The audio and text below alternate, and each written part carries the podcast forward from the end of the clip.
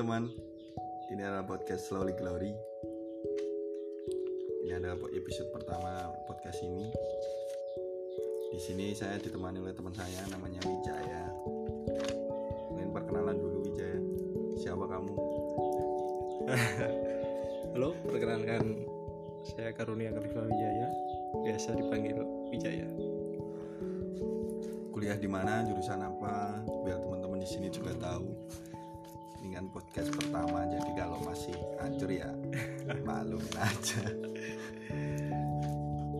Saya kuliah di Universitas Sarjana Mata Taman Siswa. Kebetulan jurusan psikologi. Oh, psikologi hari ini psikologi. Berobat jalan. berbuat jalan UST ya Ya. UST salah satu perguruan tinggi di Yogyakarta yang didirikan oleh Ki bapak, Bapak Ki Hajar Dewantoro kesibukan selama pandemi apa nih kan ya 2020 kita lalui dengan berat bahkan semua orang sih di belah- belahan dunia ini 2020 jadi kejutan buat kita semua ada bencana massal COVID-19 kesibukan selama pandemi COVID ngapain aja Lip? Ya sebisa mungkin produktif lah. Entah itu baca buku, entah itu menulis. Yang penting ada kegiatan aja. Jangan sampai kan kita pandemi, kita terpaku zona nyaman. Selesai pandemi kita nggak bisa ngapa-ngapa lagi. mah jadi lumpuh lumpuh mending lumpuh anggota badan lumpuh otak nggak bisa ngapa-ngapain oke Lip ini itu pas podcast episode pertama Ya. di sini aku juga ngangkat judul hubungan pandemi akademisi dan konspirasi Eh berat.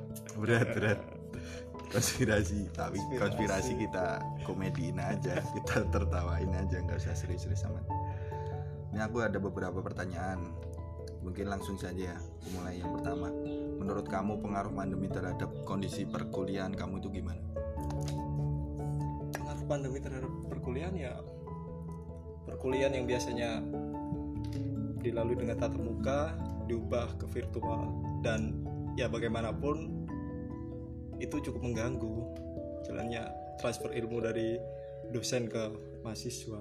Hmm, dan ya Indonesia kan tahu sendiri sinyal. Sinyal ini menjadi masalah bagi setiap insan sepertinya. Jadi ya itu problemnya lebih ke jaringan. Oh, jaringan nih. Jadi ka- kamu bisa bedain nggak sih gimana metode belajar daring atau virtual tadi dengan tatap muka. Be- perbedaan yang yang sangat sangat kamu rasain itu apa? Kalau bagi saya pribadi ya lebih ke feelnya. Rasanya hilang. Hmm, secara tatap muka kan komunikasi kita secara langsung itu melibatkan perasaan. Hmm. sedangkan secara virtual ya udah nggak ada itu. Berarti benar-benar kerasa nggak? Cara belajarnya beda banget ya jadi sebenarnya covid ini nguntungin apa ngerugiin sebenarnya? Bagi dunia akademis. Kalau bagi dunia akademis khususnya Indonesia ini menguntungkan Pak. menguntungkan dalam artian? Ya seperti yang kita tahu bahwa 2030 sampai 2045 kita dapat yang namanya bonus demografi. Ini sebetulnya momen buat batu loncatan kita buat memperbaiki semuanya. Kita rubah dulu sistem pendidikan kita yang hari ini. Hmm, yang kita hanya bicara soal industri pabrik dan lain-lain hmm, tapi menghilangkan kreativitas kita harus ubah ini dulu. Hmm. ini batu loncatan sebenarnya. betul dan kesempatan lagi kalau emang mau berubah ya ini momennya. Kalau nggak berubah ya ya udah. Setelah pandemi masih seperti dulu. Kak, bisa dijelasin nggak demografi seperti apa ini? Singkatnya aja. Bonus demografi itu angka hidup atau angka pemuda lebih banyak dari angka orang tuanya ini bisa jadi bisa dimanfaatin juga ya buat Iya. kita ya. momen emas sebenarnya. Buat para para teman-teman yang masih muda bisa digunain eh, skillnya ya. Iya. Apa pun itu. Apa pun. Dah sekarang kita ini bang kita ini dari pendidikan kita hari ini kita cuma dituntut untuk mengikuti pasar bukan membuat pasar. Hmm, hmm, 4.0 itu bicara soal konsep. Hmm, bukan lagi soal menjadi budak lagi kita harus bicara soal konsep. Kita harus Ah. membuat bukan cuma mengikuti aja. Dan ya emang mindset kita kan emang udah diatur seperti itu. Seakan kita cuma mengikuti aja. Eh, berarti kita sebenarnya bisa membuat sesuatu nggak nggak nggak nggak melulu kita ngikutin ya? Ya bisa pak. Dituntut kita harus bisa nuntut diri sendiri buat bikin sesuatu. Iya. Kita kurang apa lagi? Sumber daya alam kita luar biasa loh. Mm, mm. negara-negara lain nggak ada yang seperti Indonesia. Tinggal gimana kita manfaatin aja. Paham paham paham. jadi sebenarnya ini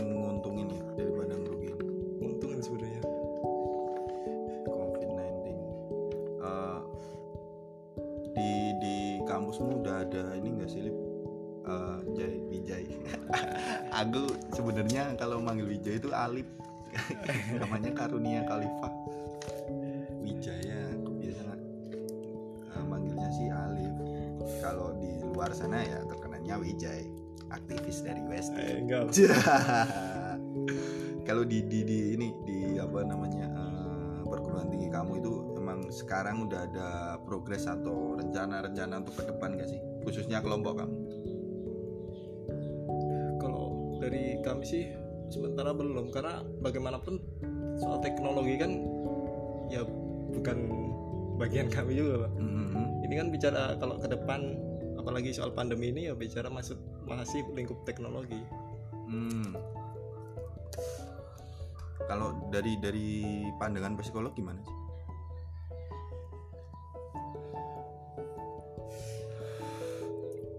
kalau pandemi psikolog ini ya sebenarnya sekarang ini kan banyak kecemasan Mhm. banyak ketakutan dan lain-lain. Ya ini kalau emang nggak bisa diatasi kita nggak akan maju sebenarnya. Apalagi ya bicara soal perubahan itu tadi setiap pandemi sejarah itu selalu mencatat setiap setelah pandemi itu terjadi revolusi seperti Prancis Hmm. ya. Seperti wabah Black Death itu kalau ka, dari pandangan kamu ini ini opini pribadi aja ya Mm-mm. Eh, prediksi kamu setelah ini selesai Indonesia akan ngalamin revolusi nggak sih selama pendidikannya masih jalan di tempat enggak Pak? kecuali pendidikan jalan di tempat Mm-mm, pendidikan kita kalau masih seperti yang kemarin itu tidak Hmm. tapi kalau memang pendidikan ini dirubah sekarang cara pendidikan itu cara pandang aja udah bukan maksud menyalahkan siapa pun tapi cara pandang pendidikan hari ini udah salah bagi saya sendiri karena pendidikan itu tujuannya buat sukses tujuannya setelah sukses kaya Hmm. bicara soal materi semua esensi pendidikannya mana padahal Oh. pendidikan kan Iya, iya. membentuk manusia agar bisa memanusiakan manusia lainnya bicara soal rasa bukan soal materi. Ya, udah salah ini. bener-bener bener-bener muridnya Ki aja bener ya. Ah, iya iya iya iya iya. Oke Lip, ah, kalau dari akademis kayak gitu ya mungkin yang bisa dirubah mulai dari diri sendiri yaitu menekuni apa yang kalian suka dulu. Sesuai passion ya Ah, dan itu harus harus dikembangin lagi bener-bener didalemin lagi ilmunya ya kan?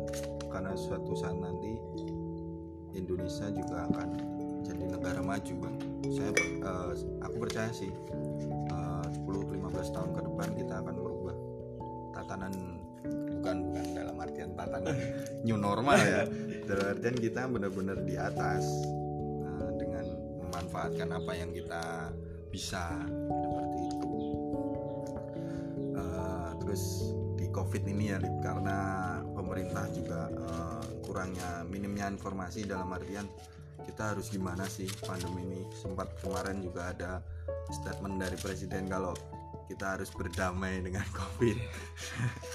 Berdamai dengan covid. Terus ya eh, ada banyak juga teori-teori konspirasi teori-teori yang bikin kita juga malah tambah apa sih ini? Bener nggak sih kalau dari kamu menyikapi konspirasi ini gimana? Jika konspirasi? Dari dari sisi sisi akademis ya?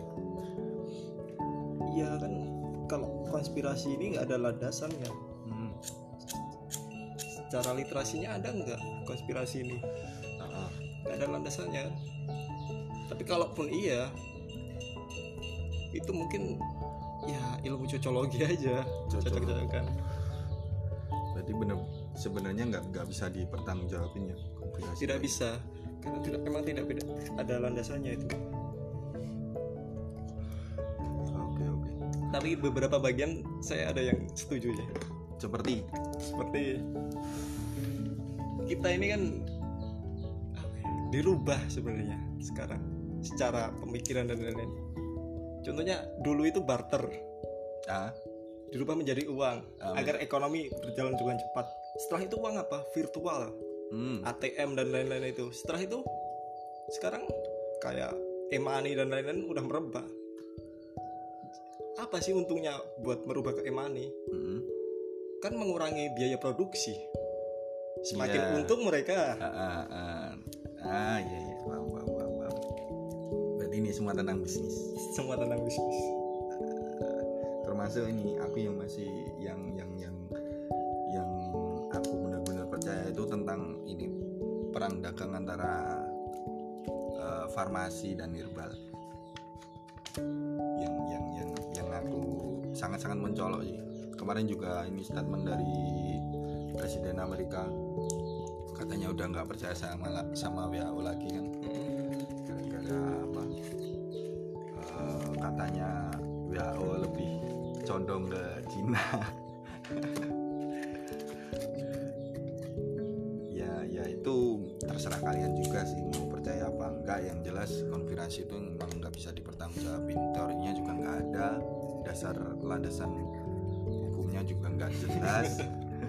Cuma ya cocologi ya? cocologi aja. Dan kebetulan kebetulan nyambung aja sama sama kondisi yang sekarang sebagai penutup nih Lip. Kamu percaya nggak sih sama konspirasi? Tidak. No. Tidak. Enggak ya? Jadi eh, konspirasi itu ya emang ya cuma buat bahan-bahan ketawa kita aja. Nggak nggak nggak harus diseriusin sih.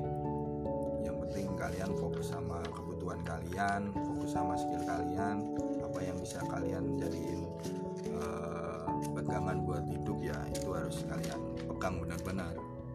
Nggak nggak nggak usah nggak usah dengerin apa kata orang sih. Yang penting apa yang kalian lakukan nggak nggak nggak ngerugiin orang di sekitar kalian. Ya mungkin ini podcast yang sangat singkat 13 menit cukup lah buat kalian buat kal buat bikin kalian tambah bingung lagi. Nikapi kehidupan ini ini podcast pertama juga jadi kalau masih kurang enak terdengar di telinga kalian ya kita minta kritik dan sarannya. Dan semoga ke depannya podcast ini dapat berkembang dan dapat mengedukasi kalian. Menge- mengedukasi dengan komedi ya nggak nggak melulu harus serius-serius banget. Ya mungkin itu dulu ya teman-teman. See you next time. Dan tetap semangat tetap seneng buat ngadepin semua yang ada di kehidupan kalian. See you bye